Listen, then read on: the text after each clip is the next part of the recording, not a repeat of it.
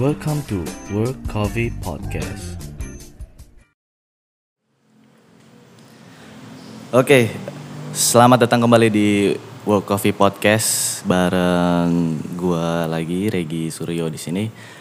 Em, selamat pagi Kang Dery. Pagi Kang. Selamat pagi akhirnya ketemu lagi Kang ya Iya. di Akhirnya ketemu lagi. kesempatan yang tadinya mau kita mau bikin workshop kecil-kecil talk show tapi keburu pandemi jadi Iya benar. kita podcastin dulu aja. Kabar gimana Kang? Alhamdulillah sehat Kang. Sehat, sehat. Sibukan apa aja nih sekarang nih? Sibukan paling kalau saya kan basicnya memang desain ya Kang. Oke. Jadi sibuknya ya itu. Tapi sekalian ya ngontrol warung lah. baru. teman-teman. Masih jaga-jaga juga. Kios. Enggak, saya udah saya nggak terlalu bisa nyeduh sebenarnya. Jadi lihat baru dakwa lah di kios. Oke, oke nih. Jadi buat work friends yang belum tahu nih, eh, yang lagi ngobrol bareng kita nih pagi-pagi nih, udah menyempatkan waktunya. Terima kasih Kang Dery ya. Kang. Ini eh, Kang Dery nih salah satu. Kalau gua kenalnya itu dari karena di kopi juga ya, kan. Owner dari apa Kang? Sepenuh hati. Sepenuh hati kopi. Itu ada di jalan apa tuh Kang? Jalan Serayu. Jalan Jalan, Serayu. Serayu. depan Bakso Cuanki. Nah, kalau Seberang lihat pas. Eh, sering lah pasti ya ke ke Cuan di Serayu mah pasti pernah gitu. Nah itu Hmm. dekat situ di seberangnya itu ada kios kopinya dari Kang Dery. Nah eh, Kang Dery, ini kalau kita ngomongin pagi nih ya Kang Hmm. ya, karena memang lagi apa ya kalau kita lihat hype di Bandung nih mau di kopinya mau di mana-mana gitu mau apa ya kita kita mulai pengen ada program banyak tuh kan ya kalau dari Bandung sendiri di komunitas itu ada pang yang pagi ngopi gitu segala macam kalau kita ngobrolin kopi sendiri eh sorry kopi pagi Mm-mm. apa nih yang terlintas di benak Kang Dery nih Moyan. Moyan tonggong. Nggak emang pagi ya pagi itu asiknya mandi pagi, oke ngopi sambil nikmatin matahari pagi. Oh itu udah juara lah, Juara berkah itu. pisan. priceless benar. lagi ini ya Eh, kalau sepedaan main juga Kang Enggak Kang, Enggak ya? enggak. Eh, enggak atau mungkin belum. belum tapi kayaknya ada arah-arah Sebenarnya sih sempat diajak sama anak-anak ada teman-teman yang Ah. aktif di Ulin Bike ya. Ayo Oh, sepedaan oke, iya, gitu. iya, Udah lama banget sebelum pandemi lah. Cuman ya nantilah nantilah cuman nggak belum ini aja. Lagian aduh mahal sih sepeda oke. naik semuanya tuh ya begitu Oke lah nungguan nggak terlalu hype jadinya turun harganya meren. Eh, Kang Diri merokok nggak Enggak sok. Nggak? Nanti aja. oke Kang kalau kopi lebih suka apa Kang Black kalau saya. black ya pagi-pagi pasti ngopi Kalau black. black ya di rumah nyeduh sendiri atau Di rumah paling tubruk aja Kang nyeduh sendiri. Tubruk ya? Nah, Ada bawa dari kios kopinya. Di rumah paling ya yang simpel-simpel lah kalau saya. Tapi saya memang lebih suka kopi tubruk sih. tubruk ya Ah, Kalau kayak fisik gitu ya jarang-jarang lah manual. Ah, Oke, Kang kalau boleh tahu nih eh, si sepenuh hati kopi nih udah berapa lama nih Kang? Setahun berapa bulan setahun lebih. Setahun lebih ya. Nah itu kepikiran buat buka coffee shop kedai kopi itu gimana tuh Kang? Awalnya saya memang suka ngopi Kang dari dulu. Terus saya teh suka vibesnya kopi-kopi warung-warung kopi kedai-kedai kopi di Sumateraan gitu. Oh di mana tuh Sumateranya tuh? Ya kayak di Aceh, Di Aceh. di Jambi gitu. Oke. Suka banget lah vibes-nya tuh bener-bener guyub. Ah. Maksudnya anak dari mulai anak kecil sampai orang tua tuh tumplek di situ ngobrol segala Ah. macam mulai dari politik sampai asmara lah kali ya. Di Semuanya situ. diobrolin. Oh, diobrolin di situ. Eh, dari situ se- ber- sempet udah lama banget sih ber- ah, pengen punya warung kopi nih se- Hmm. kapan-kapan gitu sampai akhirnya ya setahun ke belakang kemarin baru kejadian gitu itu pun Mm-mm. eh, pertimbangannya ya eh, agak lama sih konsep dan lain-lainnya gitu akhirnya ya jadilah ini penuh hati kos Sepenuh hati kopi. Mengusung konsep seperti apa sih nih Kang? Kalau saya sih sebenarnya eh, awalnya karena apa ya buat saya tuh setiap aktivitas apa pun harus ada manfaatnya lah sedikitnya meskipun eh, low impact gitulah. Nah, kalaupun saya harus buka warung kopi, saya nggak mau eh, usaha saya tuh nambahin masalah gitu. Oke. Nambahin masalah untuk sekitar, Ah. untuk kota, lebih besar lagi ya untuk eh, tempat kita tinggal lah bumi gitu. Ya nggak usah muluk-muluk untuk bumi, untuk kota aja dulu. Eh, akhirnya ya saya pikir awalnya saya nggak berpikir untuk take away karena take away itu pasti menyisakan sampah gitu ya. Heeh, akhirnya ya udah kita eh, di ini aja apa eh, dine in. Cuman berkembang eh, ya udahlah kita bisa take away cuman kita coba minimize aja sampahnya gitu. Kita pakai kemasan yang bisa direfill kemasan kaca.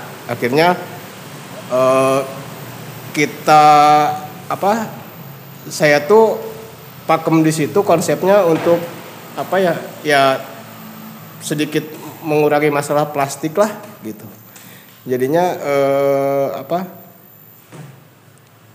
si dengan kehadiran sepenuh hati kopi ini nggak nambah masalah lagi tentang kemasan gitu. Minimal lah gitu. Karena ya kita tahu ya kopi teh oh, sumber sampahnya banyak pisannya. Benar. mulai dari kemasan susu kemasan kopinya ampasnya pun. Pokoknya eh, filter gitu. Ya sebisa mungkin kar- karena kalau nol nol waste nggak mungkin ya minimalisir lah seenggaknya gitu.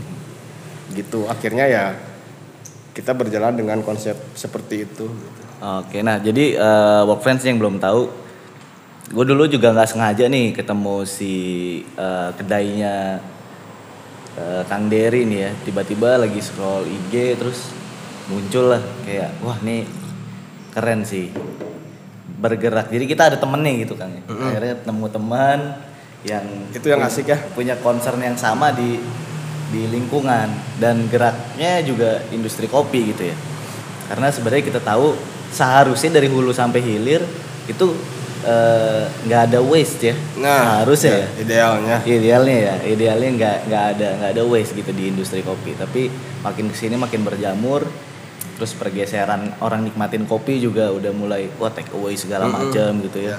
Jadinya kita juga khawatir di situ. Sampai enak ketemu lah.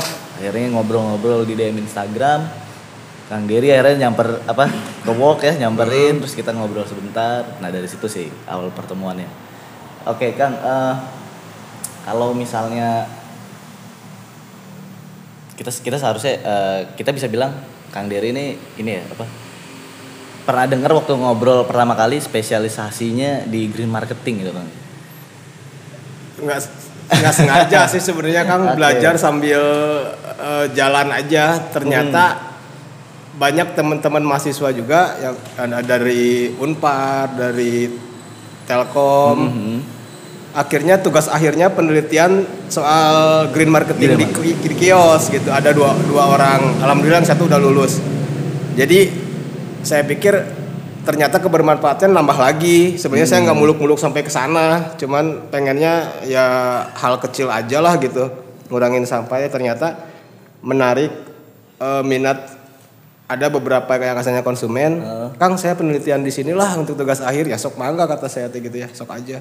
Mulai nanti ya interview interview segala macam untuk datanya. Ya sok siap kata saya. Jadinya ya senang aja gitu. Maksudnya jadi kebermanfaatan. Sebenarnya pengennya sih awalnya muluk-muluknya pengen bermanfaat dari hulu sampai hilir tapi kan itu wah edan pisan ya effortnya ya. Maksudnya kita tahu lah di hulu tuh nggak pernah menikmati apa pun value yang di hilir gitu. Ah, value di hilir kopi tuh harganya mahal di hulu mah ya segitu-gitu aja si petani mah Iya, tetap benar, aja khawatir tentang panen eh, tahun depan kumaha khawatir tentang apa eh, sekolah anaknya kumaha angger gitu. Yang menikmati value menikmati cuannya mah angger yang dihilir gitu ya.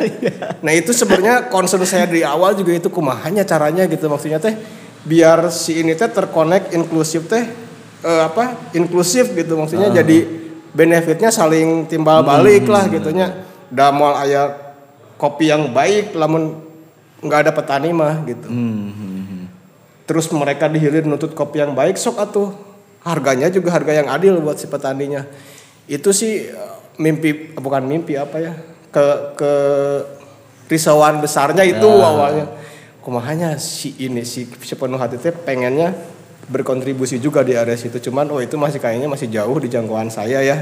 Tapi udah mungkin adalah pasti gitu yang yang yang tertarik untuk membahas apa untuk untuk menyelesaikan masalah itu. Ya mudah-mudahan hulu dan hilir meskipun nggak bisa seimbang minimal gapnya nggak terlalu jauh gitu ya Kalau secara eh, mungkin kita kupas si green marketingnya dulu kali kan. ya. Itu tuh sebenarnya metode atau apa sih kan si green marketing ini nih? kalau kalau buat saya sih ya itu Kang tadi saya bilang nggak sengaja sebenarnya Eh, saya juga nggak kalau ini tuh green marketing gitu ternyata Oh, Oke.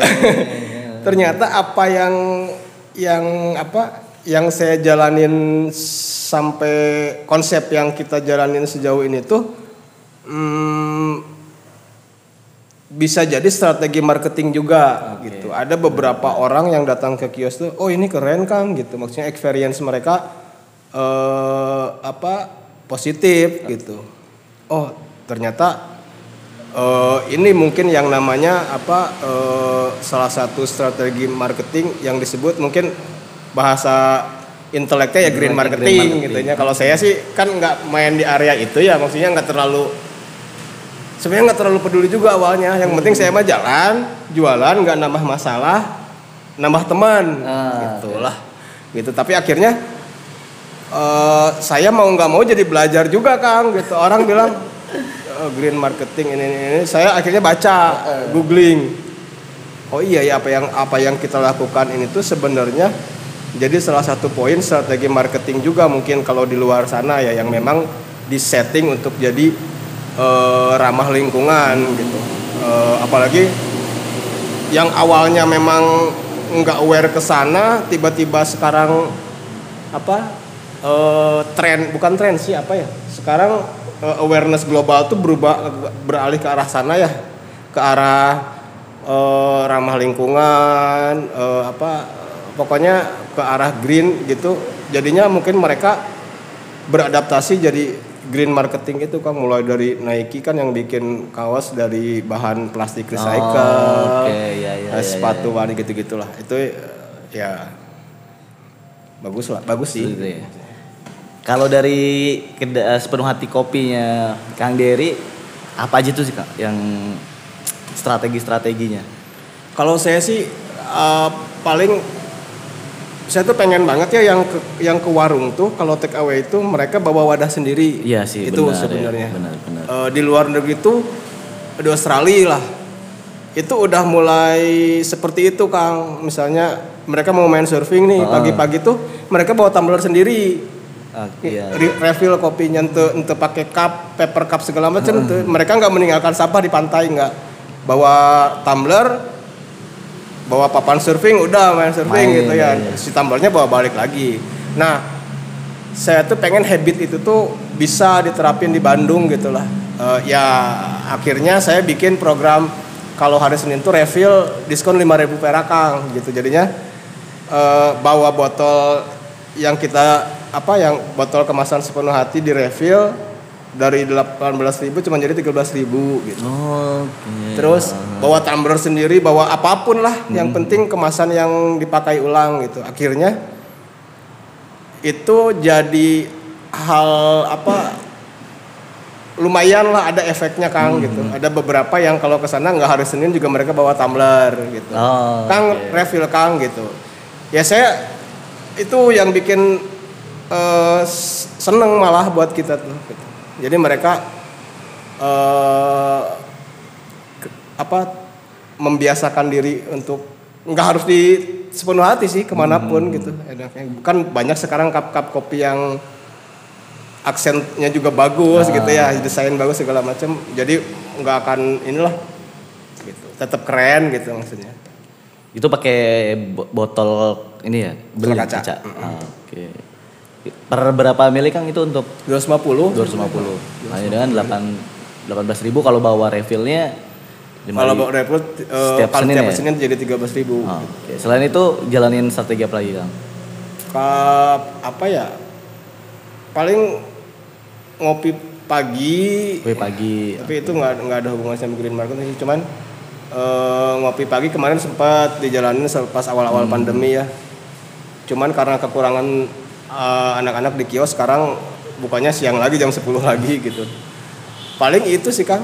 Eh, sama kalau kemasan-kemasan kopi di saya tuh ada kerjasama sama temen komunitas. Hmm. Mereka nampung si tempat-tempat kopinya. Jadi dibawa lagi sama Si mereka. bag plastik si itu bag, ya, bagnya eh, itu si, ya? si bag plastik. Ada juga beberapa teman-teman roastery yang refill, yang mau refill gitu. Oh. Eh, saya refill pakai tempat inilah, jadi dia kekirim ngambil eh, ininya dulu apa bagnya dulu nanti diisi ulang gitu. Nah itu eh, hal-hal. Cuman saya tuh masih pengen manfaatin ini sih apa eh, kemasan susu itu kan ya itu sulit Oke, banget Iya benar benar benar. harus eh, apa ya terkoneksi dengan yang lain sih kalau sendiri agak susah ya itu kan karena teknologinya juga beda ya terus ampas kopi sih yang masih PR Bener ya, wes di situ ya. Kalau kalau susu kita pernah nyobain tuh Kang. Gimana caranya nggak pakai si wadahnya itu ya. Hmm. Itu kita coba yang langsung pakai kaleng oh gitu. iya iya iya Eh, kan eh, yang, eh, kaleng susunya itu langsung mereka anter karena kan eh, source-nya dekat juga tuh kan di daerah-daerah Lembang sana. Tapi ternyata susah main maintenance nggak nggak apa ya. Iya, pasti. Kita baru dua hari tuh udah udah ngegumpal. Nah itu tuh Nah, ah ya. gimana masih masih masih pengen juga sih penasaran juga sebenarnya gimana cara nah, kali ini karena suhunya juga nggak boleh nggak boleh keluar masuk kulkas kan Iya. terus harus steril juga gitu. nah itu tantangannya sih Eh, makanya si apa sih namanya tetrapak ya ah tetra- sebenarnya itu tetrapak tuh bisa dikirim tapi ke Jakarta untuk mereka didaur ulang lagi. Iya, ke si pabriknya, mereka daur ulang jadi atap jadi segala macem lah. Cuman kan kalau volumenya sedikit terus dikirim dari Bandung susah juga gitu. Nah, saya sih berharap ada kayak apa ya? Sempet sih kayak Zero Waste Indonesia kalau nggak salah atau apalah. Mereka menyediain Dropbox buat apa buat si Tetra Pak ini. Jadi siapa pun yang punya kemasan Tetra Pak di drop di situ, nanti mereka bawa ke Jakarta. Nah, yang kayak gitu sih harusnya ada di Bandung gitu, konsisten. Tapi sekarang kayaknya nggak ada lagi ya. Saya sih berharap mungkin kebijakan yang lebih powerful kayak Pemkot misalnya nyediain fasilitas lah gitu untuk itu gitu. Jadi si warung kopi teh si kemasan etana dikadinyakeun gitu. Jadi mereka itu sebenarnya dihargain juga loh dibayar apa, iya, di- benar. bisa dijual sebenarnya gitu. Gitu. Jadi emang nggak eh, belum belum yang apa ya kalau kita bilang belum pemakaian listrik di kedai kopinya ya kan yang, yang yang harus diperhatikan. Nah itu Kang bener. Terus eh, apa ya ki- kita ngobrolin mesin kopi pemanas ya kan. Karbon. Terus ada microwave apa segala Iya. macam ya kan. Energi yang yang yang bikin waste juga karena punya karbonnya gitu sendiri. Saya sih kemarin sempat tertarik yang si work yang di Ternate eh mana? Mm-mm. Heeh, kan pakai ini ya. Ternate. Jadi nggak sih pakai non eh, panel surya? Panel suryanya masih belum dipasang sih Kang. Nah karena, itu eh, itu keren saya juga sempat kepikiran doa udah lama banget pengen bik, peng, kedai itu pengen atapnya tuh panel surya pas hitung hitungan itu mahal pisan gitu kendalanya kan di situ yang mahal bisa mahal lah Eh, tapi sebenarnya worth it kalau pegang duit ya. Investasi jangka investasi panjang. jangka panjang karena nggak usah bayar listrik lagi juga nantinya gitu kan. Cuman ya itu karena lagi eh, karena nggak pegang duit jadinya oh angket deui lah gitu. Kalau udah ada pengen sih kapan-kapan kalau bikin di mana lagi gitu si sebenarnya si atapnya teh panel surya gitu. Terus karena memang kan kita mah kios ya Hmm. jadi konsumsi listriknya sebenarnya nggak segede Nggak- oh nggak gede. Udah gitu nggak pakai mesin juga si espressonya Biasanya pakai espresso Oke, gitu manual ya. Nah itu juga eh, cukup sih sebenarnya misalnya berapa panel kayaknya kayaknya saya juga kurang pahamnya si dayanya segala macamnya. Tapi pengen gitu, pengen pisan. Mudah-mudahan sih. Eh, mudah-mudahan karena emang di saya pernah pernah pernah lihat juga dan pernah lewat di daerah Jalan Sudirman gitu ya itu Sudirman, ada Bandung. Ah, ah. Itu ada ada coffee shop yang yang udah full panel surya kang jadi Oh, iya? jadi dia otomatis langsung begitu malam langsung nyala sendiri jadi nggak bisa kalau siang tuh mati keren. semua kayak gitu tuh Oh gitu. lu saya lupa lagi namanya itu lumayan sih Sebenarnya kan ini tuh apa kayak kita kayak work kayak mereka yang di Sudirman, Kio apa sepenuh hati itu sebenarnya hanya hanya bagian terkecil aja di di di taruhlah kalau kita bilang ini movement gitu ya. Misal misal eh, apa green coffee shop belt atau apa pun lah eh, yang concern terhadap itu. Tapi eh, lagi-lagi kalau tanpa apa ya kita bilang pemangku kebijakan ya kita susah juga gitu kang ya. Maksudnya PR lah gitu lebih lebih belakangan sih saya lihat eh, wali kota Bandung sempat eh, berbicara soal memungkinkan nggak sih kita ngopi itu mendingan refill lah. Coba sok si warung kopi teh kasih diskon buat yang refill gitu. Oh kita mau ya udah melakukan sejak lama gitu cuman coba itu awarenessnya lebih di apa sama pemerintah mungkin lebih ini ya maksudnya lebih powerful gitu. Mereka kan punya pusat kebijakan ya pembuat kebijakan. Saya sih apa kalau memang kota Bandung dengan Kang Pismannya concern terhadap pengurangan sampah plastik rangkul juga si warung-warung kopi karena edan loba pisan sampah plastik nah gitu. Ya saya kebayang gini sih kayak warung kopi warung kopi take away nya punten-punten ini mah saya Nggak Kang, bebas. Bebas nggak apa apa nggak nggak bermaksud untuk apa ya nyerang atau apa pun nggak. Cuman memang ini come on ini masalah gitu. Yes, ini benar, masalah. benar, benar. take away. Yang saya dengar omsetnya ratusan juta atau memang kebayang tuh duit segitu ngasilin kemasan plastik cup sakumaha Ya, benar, gitu. benar. terus apa yang udah si brand ini lakukan untuk saya orang Bandung gitu Ah, hanya ah. untuk kota Bandung weh misalnya. iya. Mereka buka cabang di Bandung atau enggak brand Bandung tapi menyisakan masalah di kota ini. Hmm, ya saya sih ngerasa keberatan ya. Maksudnya iya enggak iya enggak sih? Misalnya jika kieu orang boga imahnya ayah tamu nyampah di imah orang. Ya iya naon sih gitu kan? Nah apa sih yang udah mereka lakukan gitu? Apakah mereka udah berusaha untuk meminimalisir itu enggak kalau kita kalau mereka nggak bisa ganti kemasan oke lah. Apa yang udah dilakukan? Misalnya ada CSR-nya enggak sih Ah, oke. Buat itu gitu. Misalnya ternyata ya faktanya yang di recycle tuh di seluruh dunia tuh sampah tuh sampah plastik itu cuma 10% nggak lebih gitu ya. Nah apa sih yang udah dilakuin mereka tuh gitu? Jangan cuma cuannya aja gitu loh. Maksudnya ya kan? Ya ya punten. Maksudnya kita sama-sama lah ayo jaga gitu kalau memang peduli. Tapi kalau memang tapi masa sih nggak peduli gitu ya Masa sih ya. sih gitu ya untuk masa depan ini teh rumah bersama gitu. Kalau memang kayak gini lah Kang, hal yang sepele ini mah. ah, ah. Eh, kalau weekend datang, Bandung pasti ramai. oh benar Bro, weekend reka mana? Bandung, eh juara pisan orang mah pokoknya udah jatuh cinta lah ke Bandung mah gitu ya. Datang ke Bandung, selamat datang masuk di Bandung, keluar tol Bandung, masuk Pasteur, eh ongkos cinta Bandung tapi keluar micin sampah teh aneh. Nya, tinu naon? Eh, botol aqua atau naon micin lewat jendela mobil teh. Nah, situ disimpan hari di mobil gitu. Ongko jatuh cinta sama Bandung. Nah. Bandung juara, tapi teu dijaga babarengan eta ngomong kosong sih kalau buat saya gitu ya. Maksudnya kayak gitu hal-hal gitulah. Kalau memang nyari duitnya di sini, nyaah ke Bandung, jaga bebarengan gitu. Gitu sih kan. itu kok apa kalau boleh apa ya? Kerisauan sih. Mungkin mungkin bukan saya aja yang risau ya soal masalah itu. Pasti pasti saya juga nggak bersih bersih amat dari sampah plastik. Di, di rumah saya juga masih menyisakan sampah plastik. Cuman pertanyaannya ada niat mengurangi nggak kita gitu? Kalau sa- kalau satu orang dua orang jut- jutaan orang berniat untuk mengurangi kan efeknya bakal terasa ya.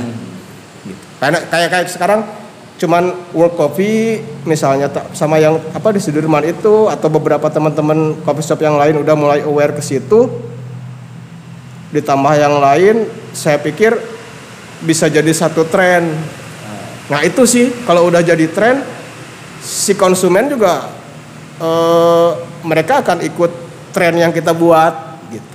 Bisa sih. Kalau saya pikir kalau banyak mah yang melakukan hal yang sama babarengan connect gitu ya. Saya pikir trennya bisa diciptakan gitu tren si refill kayak di Australia itu kayak di Eropa gitu bisa. Di from hype to habit gitu. ya gitu, sebenarnya Eh, buat saya mah keren sih. Maksudnya bener bener bener. bawa cup kopi kayak apa sih kayak banyak sekarang cup kopi yang keren-keren ya. Dia kayak di apa banyak ya banyak merek lah. Bang mau ngopi isi ulang gitu buat saya masih udah ngopinya masukin ke tas santai gitu simple untuk aduh ya gitulah Iya. Bener-bener ngerasain ngerasain sama ya setuju juga nih sepakat banget nih sama Kang Dery karena eh, sekarang jangankan yang yang apa ya yang kita bawa apa harap mengharapkan jauh- kejauhan gitu mungkin bawa tumbler sendiri gitu. yang bawa sepeda untuk ngopi aja jadi sebenarnya seneng nggak? Maksudnya kayak wah keren. Ya, yang eh, kemarin juga ngobrol sama Westbike yang kurir kurir Ya, sepeda itu kan.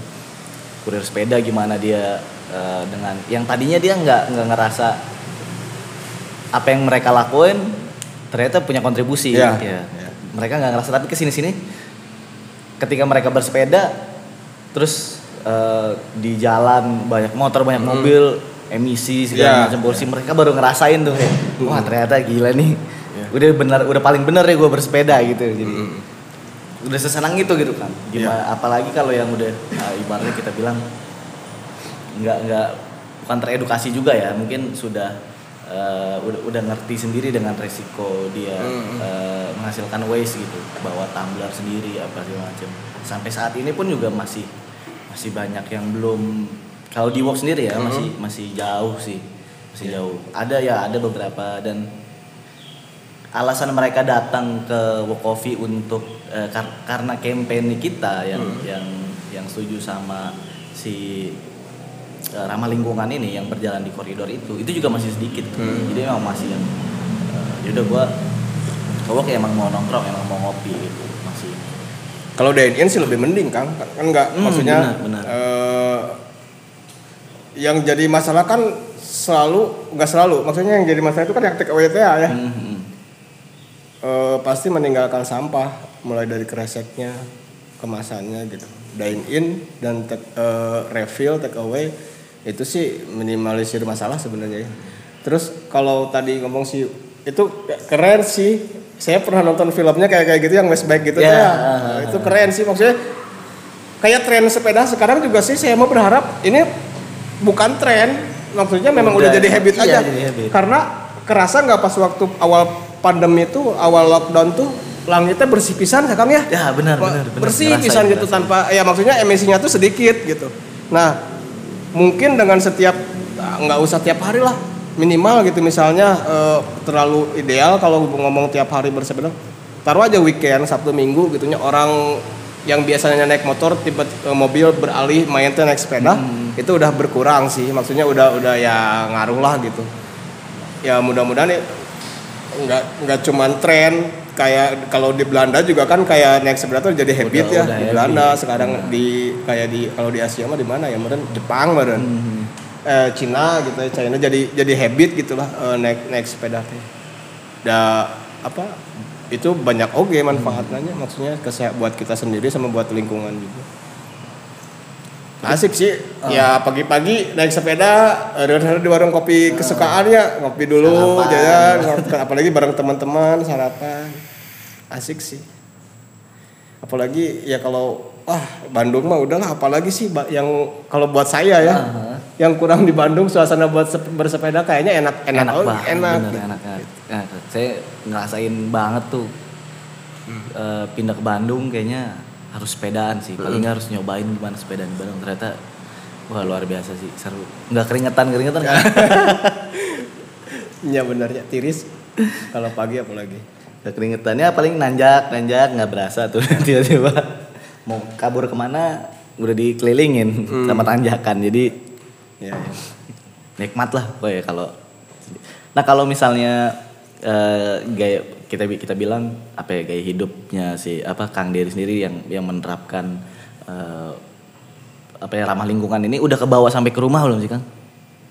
belum bisa maksimal diterapkan. kan kalau di rumah kan Hmm. emang apa ya justru sebenarnya PR terbesar tuh di rumah karena sampah rumah tangga tuh eh, gila juga Banyak banget banyak ininya ya. gitu ya mulai dari yang or- yang yang nggak usah bicara yang anorga, yang anorganik yang organik lah organik mah eh, kasarnya nanti di di TPA juga ngebusuk gitu ya. Maksudnya jadi memang dia meninggalkan apa eh, efek eh, kurang bagus baik juga eh, apa si ininya apa apalah namanya saya lupa. Cuman mereka minimal eh, membusuk gitu. Eh, ter eh, jadi pupuk nantinya yang ini kan sampah plastik mulai dari yang kecil-kecil gitu ya kayak bungkus permen atau apa pun lah itu kan pasti ya itu susah sih. Plastik terus ya. terang masih susah pisan. Tapi ya saya di lagi-lagi berusaha untuk mengurangi itu. Kalau saya keluar tuh saya pasti bawa bekal pakai iya kang naon? Naon ngaranna?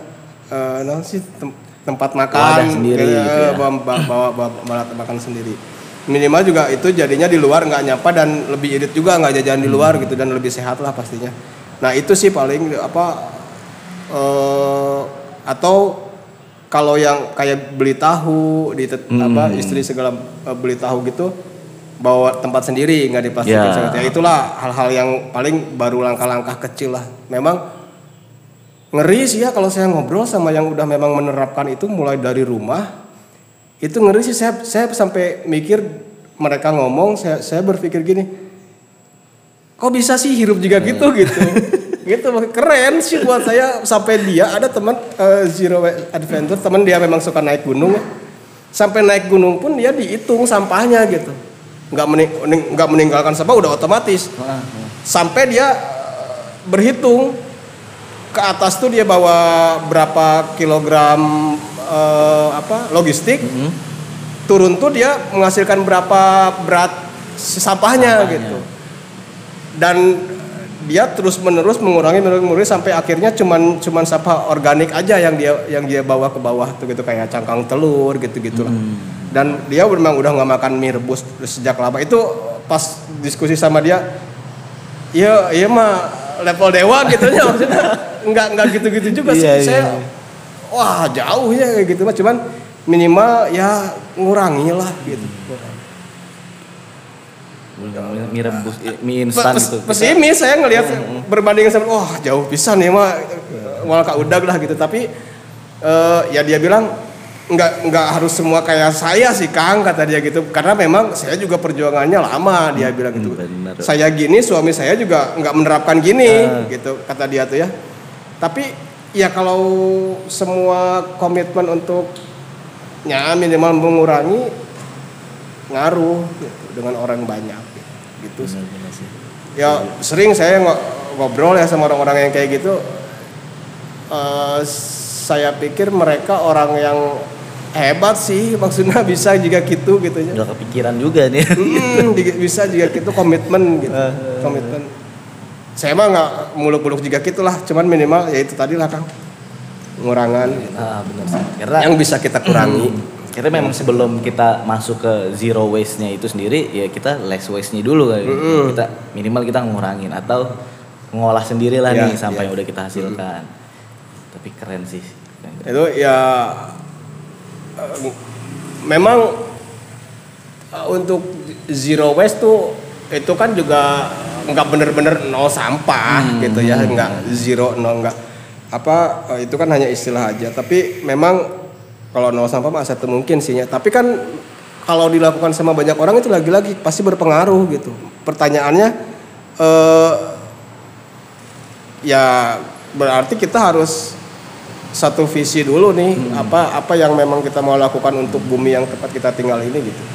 Eh, gitu sih Kang. Maksudnya saya juga kayak ke anak-anak ya ke anak-anak saya kalau main keluar tuh mereka kan belum belum ngeh kayak sampah plastik segala macam ya. Minimal eh, bekas permen yang mereka makan tuh mereka sakuin dulu sampai nemu tempat sampah. Hal-hal kayak gitu kan value buat anak kecil maksudnya eh, saya coba tanemin pelan-pelan gitu. Lagian kan buang sampah sembarangan juga itu bagian dari adab hidup ya maksudnya eh sakuan lah kayak apa apa apa apa apa apa susahnya sih gitu. Kalau sampah yang bersih mah ya sakuin dulu lah. Atau nggak masukin tas nanti begitu nemu tempat sampah buang ke tempat sampah. Itu juga udah keren sih maksudnya untuk kudu micun juga nu tadi ka mana wae gitu. Dan ya ya namanya hidup maksudnya. Harus juga memikirkan orang lain ya Kang ya? Benar benar. Nah kalau eh, gini Kang, kalau misalnya coffee shop paling nggak mau beralih nih Kang, paling nggak hal apa dulu sih nih yang bisa dilakuin Kang? Buat bisa kita bareng-bareng di apa berjalan di Green Coffee Shop nih nantinya. Awalnya kemasan sih kopi shop teh Kemasan. eh, kemasan yang PR-nya tuh ya memang masalahnya di situ mau berganti mahal ya Mm-mm.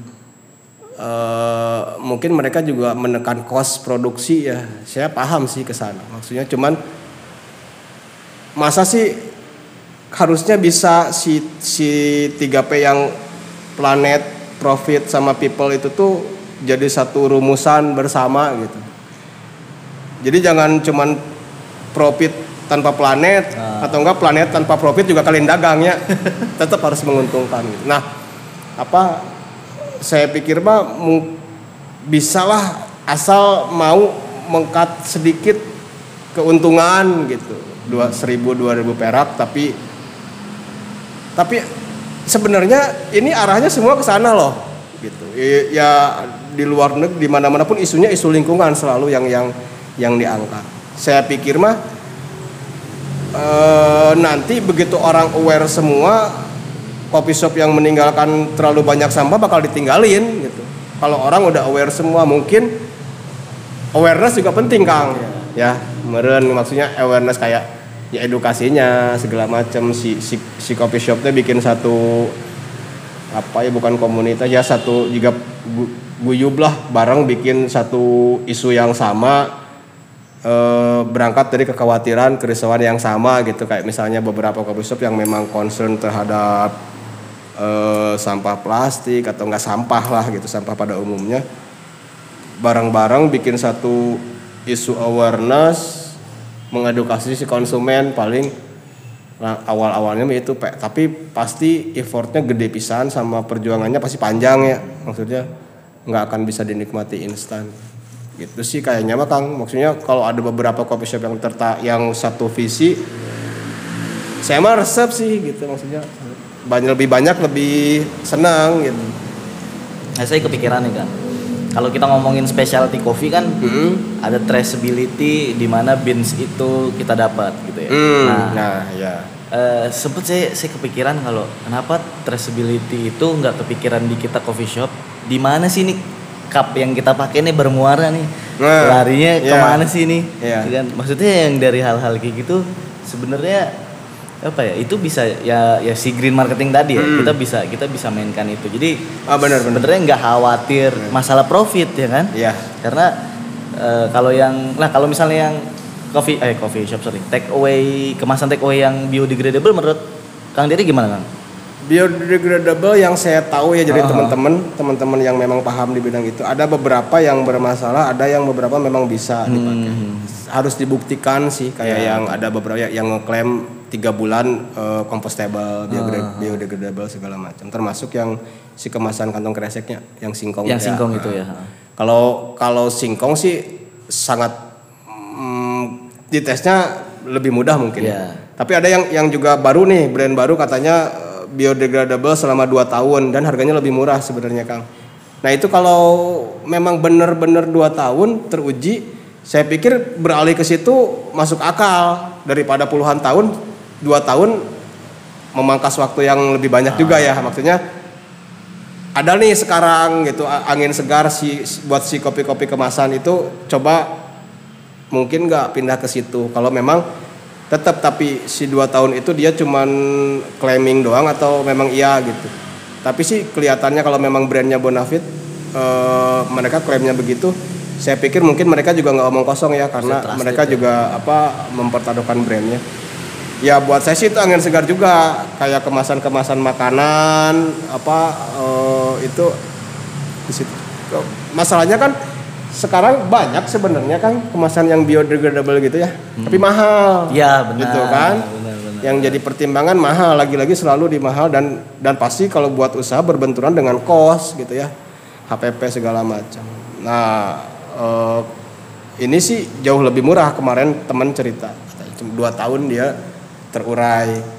Ya positif sih buat kalau kalau itu memang benar dua Jadi tahun harapannya sebenarnya kalau awarenessnya udah kebangun, kita mau keluarin cost yang lebih mahal pun bisa jadi value lebih dan orang juga nggak jadi masalah untuk bayar mahal ya kan?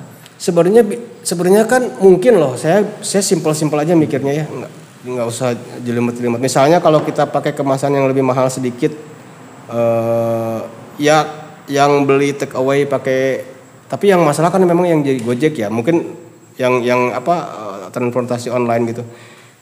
Mungkin bisa diedukasi di platform online mereka misalnya gini kalau kalau kayak sekarang kan kalau kita ke mall ya eh, apa ke super eh, dep store apa supermarket segala macam dicas eh, kantong kresek Iya. ya kan di Jakarta juga di Bandung juga. Nah kenapa nggak dilakukan hal yang sama aja kayak kalau mereka nggak mau rugi gitu. Eh, kalau take away dicas 1500 misalnya dia eh, berapalah hitungan mereka itu kan juga bisa ngurangin cost mereka ya maksudnya meringankan lah Nah, dan juga lama-lama si konsumen juga ah gua males nih nah, lam- apa nambah ini mungkin mereka nggak pesen lewat transportasi online lagi datang sendiri minum di tempat atau enggak bawa tempat sendiri gitu. Atau mungkin dikurasi gitu ya kan? Jadi Kurasi gimana kan? eh, yang mau jadi merchantnya harus take away-nya harus biodegradable misalnya gitu ya. Kalau mau Nah, itu ekstrimnya ya, ya. ya, itu Karena menurut menurut menurut saya sendiri kayak eh, saya belanja di supermarket ya Hmm.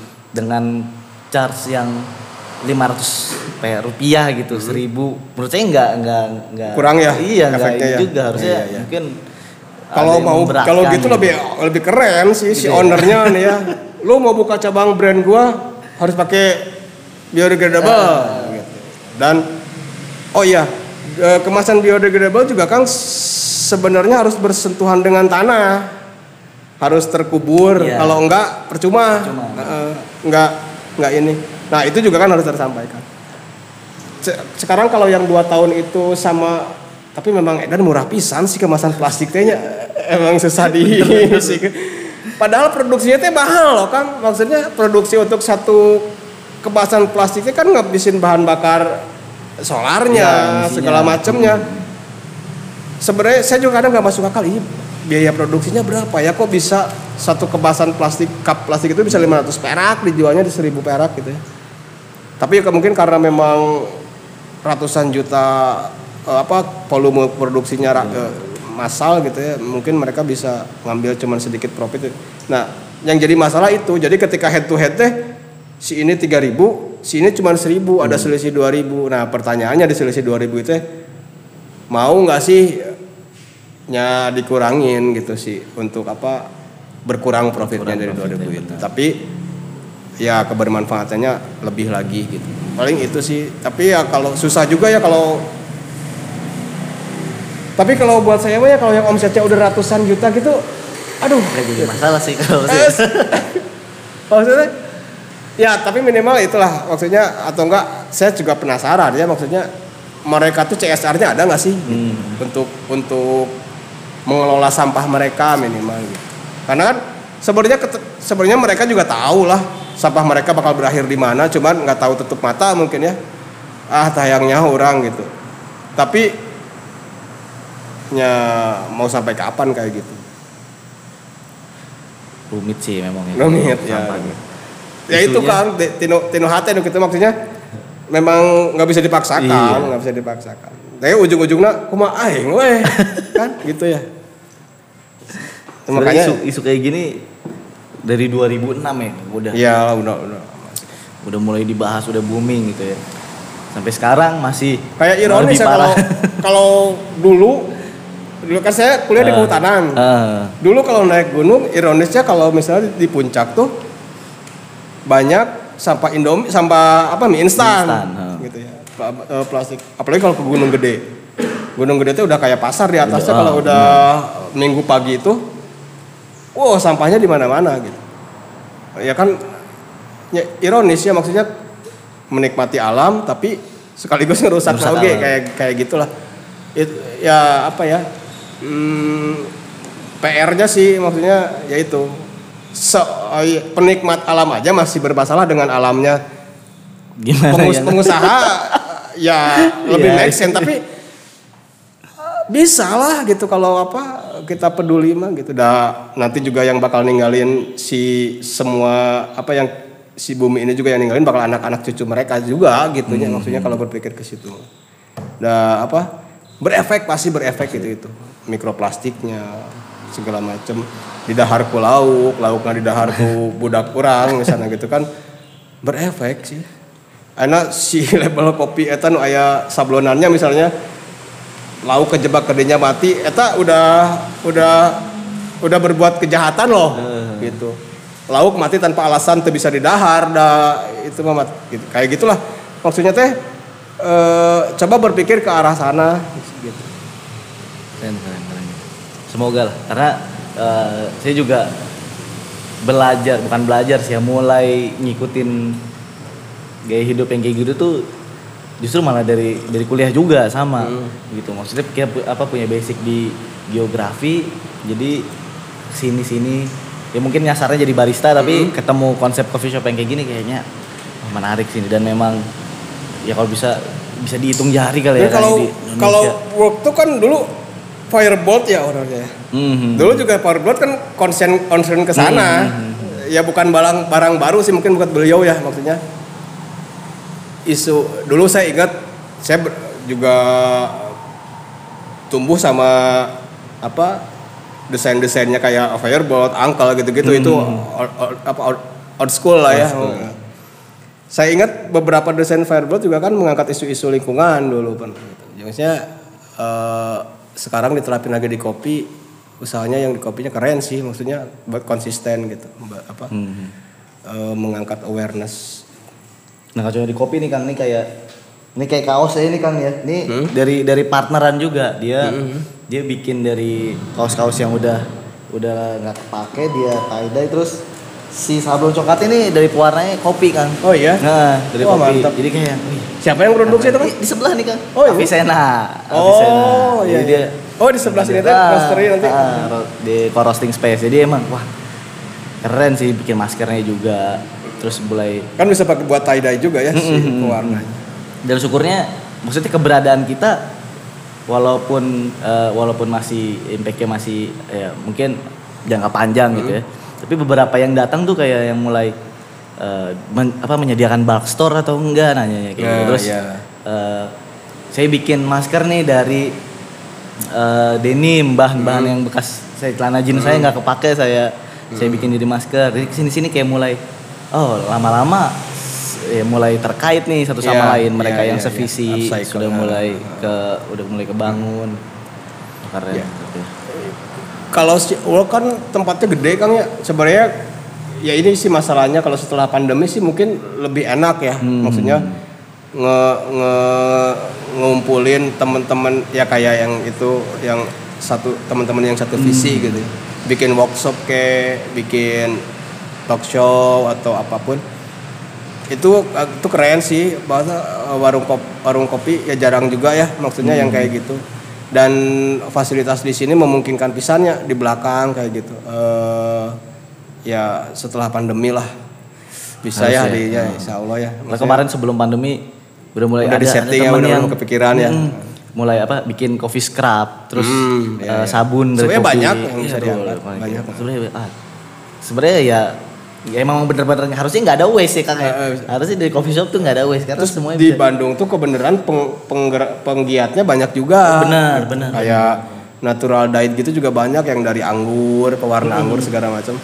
Banyak. Tinggal tinggal kitanya aja mau nggak eh, berkolaborasi sama mereka. Sebenarnya sebenarnya harusnya mau karena tuntutan tuntutan sekarang tuntutan momentumnya juga eh, momen sekarang tuh momen untuk berkolaborasi Iya. gitu. Berkolaborasi.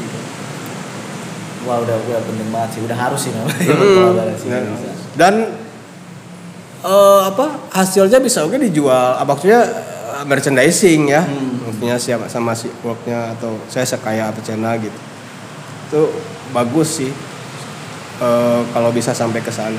Kalau di Jepang mah kan udah jadi kayak udah jadi kultur ya. Maksudnya si coffee shopnya juga ngehasilin merchandise-nya juga keren-keren ya. Gitu terus jadi kayak ini clothing atau coffee shop sih tapi jangan sampai gitu juga sih jadi membingungkan orang Iya, ini clothing iya. atau enggak juga. Cuman minimal ada buah tangan lah ketika orang di situ oh ada kenang bisa sesuatu cenderamata yang dibeli gitu. Dan cenderamata itu apalagi kalau cenderamata punya value gitu. Ini teh warnanya dari ini loh punya his- punya story punya narasi dan punya campaign gitu di satu produk itu teh. Itu jadi produk artisan dan mereka juga mungkin ada kebanggaan ya maksudnya untuk memakainya gitu itu sangat bisa sih bisa lah aku Bisa sih pasti work ya. work lah Bisa pasti ya. jalanin Bisa pasti. Kemarin tuh agak sempat pusing pas pivoting di pas covid kemarin kan yang pandemi yang PSBB itu ya. Karena kita nggak punya take away nih. sama Iya, sama, saya juga. Iya, Waduh gila nih. Saya nggak punya take away sama sekali. sempat kebentur sama itu juga. Saya juga akhirnya oh, yang seliteran waktu kemarin kan eh, kemasan seliter teh mahal pisan waktu itu yang kaca kan. Udah Benar, gitu benar, berat benar, pisan. waduh gimana ini? Akhirnya kita juga sempat yang seliter pakai kemasan plastik. Cuman tetap dikasih tulisan kalau bisa diisi ulang dipakai lagi gitu lah jangan langsung sekali pakai teing gitu lah misalnya 10 20 kali pakai. Sempat beberapa kali adaptasi ke situ. Tapi untung eh, juga si PSBB-nya agak lama-lama dilonggarkan dan bisa kepada ke kedai. Akhirnya ya udah di stop di stop lagi gitu, normal lagi gitu. Maksudnya kayak beli di tempat lagi. Sempat sih bingung juga. Itu pasti semua. Oke apa harus cepat beradaptasi Ya gitu. benar benar benar benar. Aduh itu gila sih. Kok Sebenarnya kalau di kayak di apa sih? Yang kalau di, China tuh kayak di apa sih? Alibaba gitu, sebenarnya banyak kemasan. Saya nggak tahu juga ya, maksudnya bagus apa enggak kualitasnya. Tapi kan kalau kalau ordernya banyak, di, di mereka murah jadinya gitu. Nah itu mungkin bisa jadi option gitu. Misal kalau ordernya ribuan segala macam, ternyata jatuhnya lebih murah dan mereka ngeklaimnya sih di situnya saya kurang tahu. Tapi bisa sampling kan ya, minta sampel. Itu ya bisa gitu. Maksudnya yang, yang memang ada budgetnya untuk beli ribuan eh, apa quantity banyak si packaging itu mungkin jadi solusi juga gitu.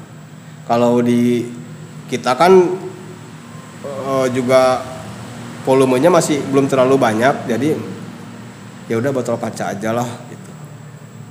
Itu juga cari di Bandung susah asli. Ja- banyaknya di Jakarta, di Depok, Bekasi. Akhirnya ada sih satu itu yang termurah di Bandung ya udahlah itu aja gitu. Kalau di luar kota sih banyak yang murah sebenarnya. nggak nggak ada habisnya sih kayaknya kalau ngomongin Hmm. Karena MBT ke mana-mana tuh. ya nanti. pasti. Oke Kang nih eh, lanjut ke yang tadi sempat disebutin eh, dulu sekolahnya kehutanan. Hmm. Terus bisa nyasar sekarang masih aktif di kehutanan nggak sini Kang? Enggak sih paling naik, naik gunung juga udah baru kemarin lagi udah lama yang saya bilang Ah. kemarin itu. Eh, udah enggak sekarang saya malah nyasarnya di, di desain gitu. Hmm. Eh, bikin-bikin logo segala macam lah gitu. Eh, sama teman-teman ada ada kayak studio. Studio. Oke. Cuman eh, apa ya? Bukan iya jiwa. Dulu lingkungan di kampus memang ah, mau tidak mau menjadikan kita tuh harus peduli sama lingkungan Iya. karena kita bakal hidup dari lingkungan, dari hutan gitu ya. Mungkin itu juga sih yang ngebentuk maksudnya apa awareness awal saya gitu. Cuman kalau terlibat lagi di ini enggak enggak dari awal saya saya lulus lulus kuliah tuh memang enggak passion juga kerja di kehutanan atau enggak mungkin saya memang passionnya lebih ke usaha atau kayak gitu jadinya nggak terlibat tapi kalau memang ah, yang yang bersinggungan bersinggungan sih ya ada aja gitu kayak kemarin ban- eh, ada program apa ban dis dinas apa yang Bandung menanam gitu-gitu. Hmm. Ya suka se- seru aja sih ikut gitu. Berarti memang eh, emang emang emang kecemplung aja tuh kayak kuliah Ya. kehutanannya. Dulu sih pengennya ke ke IKJ, Oh. tapi sama bokap nggak boleh, jadinya kehutanan weh. Ya udahlah, yang penting kuliah sih gua pikir gitu waktu itu. Yang penting kuliah, eh, ya udahlah. Tapi seru juga ternyata di kehutanan. Seru lebih banyak naik gunungnya dulu mah daripada Suruh KKL ya. Ngopi udah dari tahun berapa kan? Yang mulai beralih ke Wah ngopi mah. kopi. Oh beralih ke Beralih ke sini sini. ya.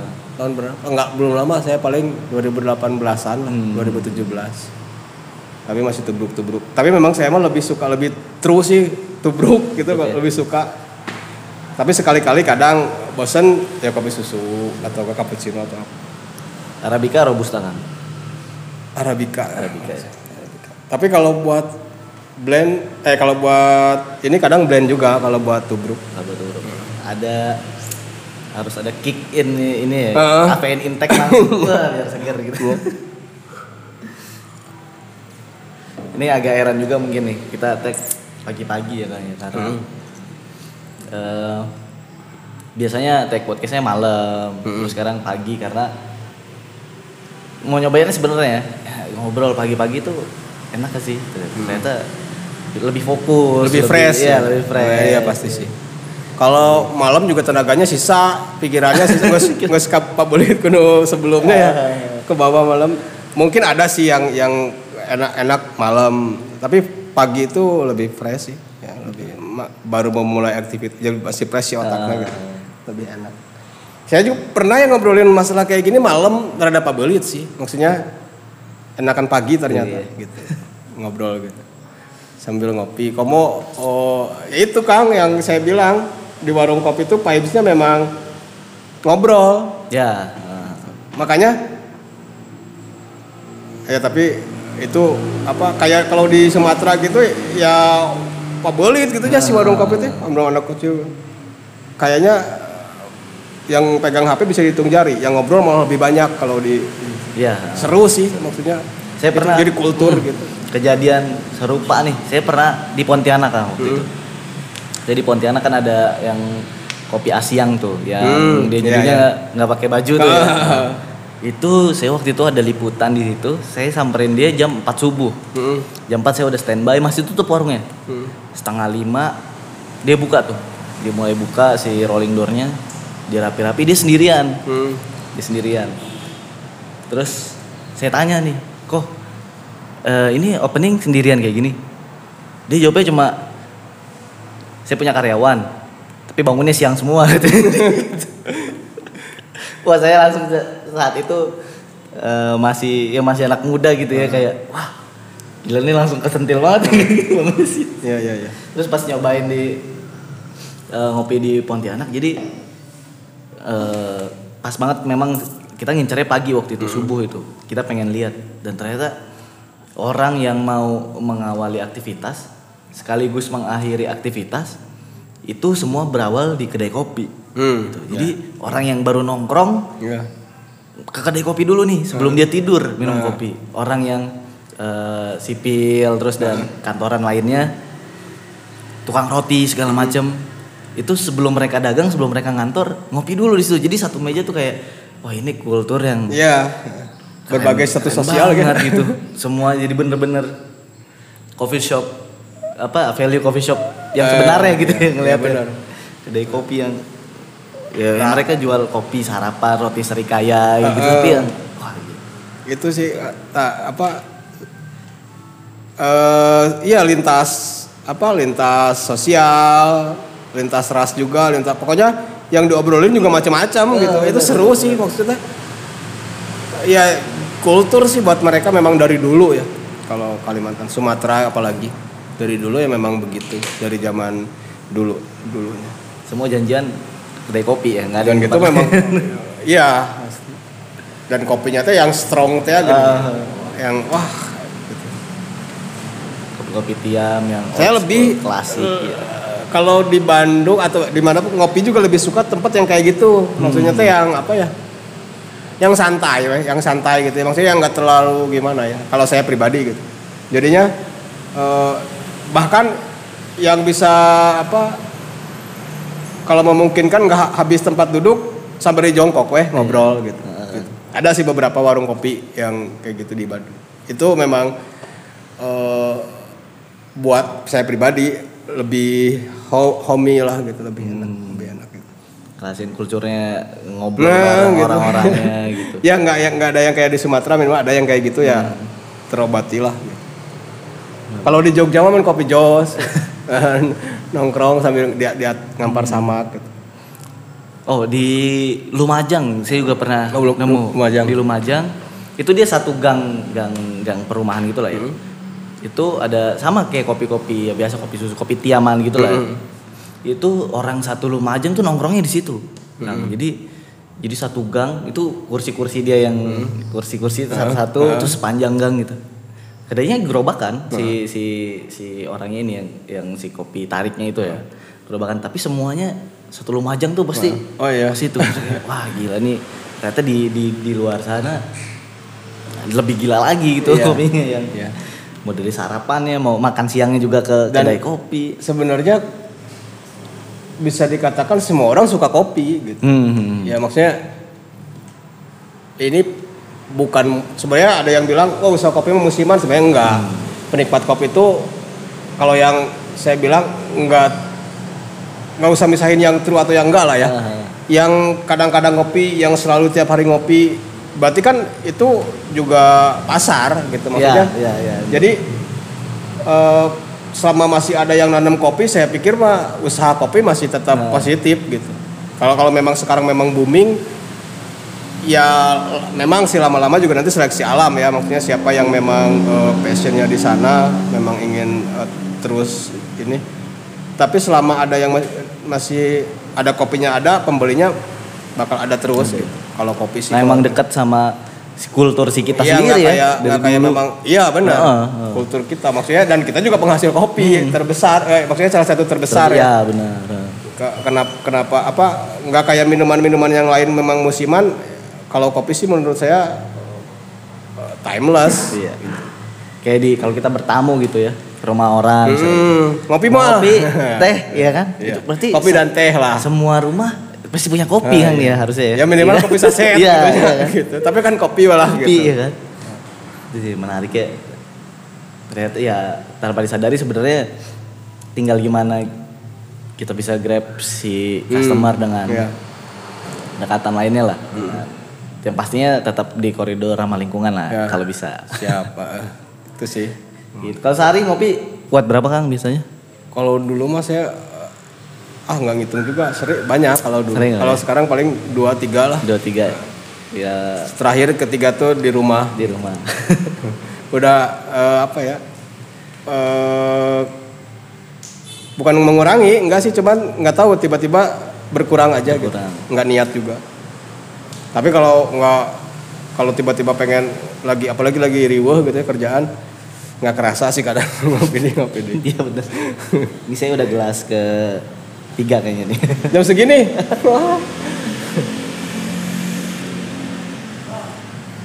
Biasa Tapi ya kopi mah meren insya Allah saya eh, nggak selama nggak terlalu berlebihan pisan mah ya aman-aman aja lah.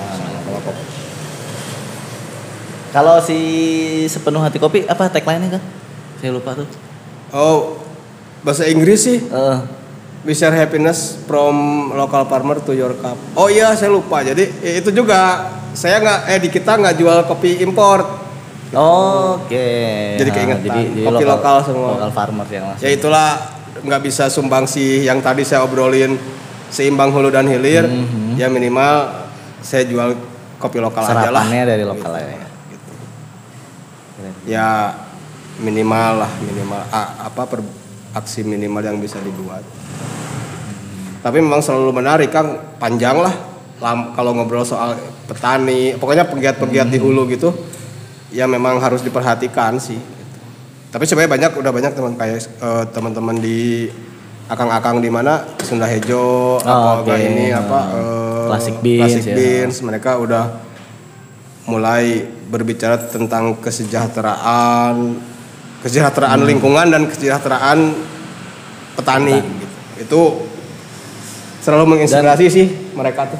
Kehadiran si Classic Beans ini juga influence buat coffee shop coffee shop kedai Iya. kopi yang ngambil dari sana ternyata. Oh gini ya di sana. harusnya eh, ya saya kan sebelum buka kedai itu eh, datang-datang dulu ke yang gitu ya pengen tahu lah maksudnya. Ternyata memang bagus. Maksudnya itu sih yang harus di kayak diperbanyak lagi orang-orang semacam Pak Eko gitu. Ya benar-benar. Setuju banget, setuju banget. Walaupun banyak saya di daerah-daerah juga pernah nemu apa eh, kebun kopi yang memang petani muda yang dia punya concern yang bagus gitu ya buat si lingkungan. Tapi mungkin belum ke expose. Iya, gitu iya. ya. Semoga. ya mungkin banyak ya Hmm, gitu. Oke Kang, Eh, cukup kayaknya. Itu Siap. aja obrolan kita. Semoga kita dalami lagi nanti talk show mungkin atau Insya Allah siap sharing session ya gitu tentang apa yang udah dilakuin Kang Dery dengan eh, pengalaman-pengalamannya dengan pengetahuan-pengetahuannya gitu. Em, mau lanjut apa Kang sekarang? ke kedai paling Ke kedai paling. ke kedai dulu ada ada perlu Ah, Oke. siap Oke, eh, work friends, eh, thank you banget buat yang udah dengerin. Eh, mungkin cuma ya obrolannya nggak terlalu panjang tapi semoga ada manfaat yang bisa teman-teman semua ambil. Eh, dari closing statement Kang. mulai dari hal kecil lah Wih, itu eh, kopi dari apa kopi paste dari klasik bean. classic beans. mulai dari hal-hal kecil Mulai ya kalau nggak mulai dari hal kecil ya susah lah susah. Kalau apalagi mau langsung yang gede gitu ya. sama apa ya makasih juga buat work ya, kopi terima kasih, terima kasih. Ngobrol asik pisan ini asli. Asik pagi-pagi ngobrol sambil Eh. ngopi dan mengobrolkan sesuatu yang eh merisau apa kerisauan bersama. oh, itu udah udah paling bener lah. Malah beres-beres lebih ke jam sore ini. Ya, eh, thank you juga nih buat Kang Dery udah eh, menyempatkan waktunya pagi-pagi loh, apa habis ngurusin anak ya kan. Mungkin eh, belum masih panjang lagi aktivitas nantinya. Semoga dilancarkan ya kan. amin ya. amin amin Semoga kedainya juga eh, lancar, terus aman dan ya bisa bisa cuan lah terus. amin Oke, tetep eh, kudu. harus ya. Oke, eh, itu aja eh, perbincangan podcast di Coffee Podcast kita kali ini bareng Kang Dery. Mungkin eh, bisa nanti di apa ya di Instagram kita tunggu masukannya siapa lagi pembicara selanjutnya. Thank you banget yang udah dengerin sekali lagi dan makasih juga buat Pos Kamling yang udah pagi-pagi juga nih ke sini. Itu podcast rekaman keliling ya teman-teman bisa pakai jasanya kalau yang mau bikin podcast, mau ngobrol-ngobrol sekalian di YouTubein, sekalian lah cuannya juga lah jangan tanggung-tanggung. Sampai jumpa di perbincangan pagi-pagi lainnya masih di Walk of Indonesia. Thank you semuanya.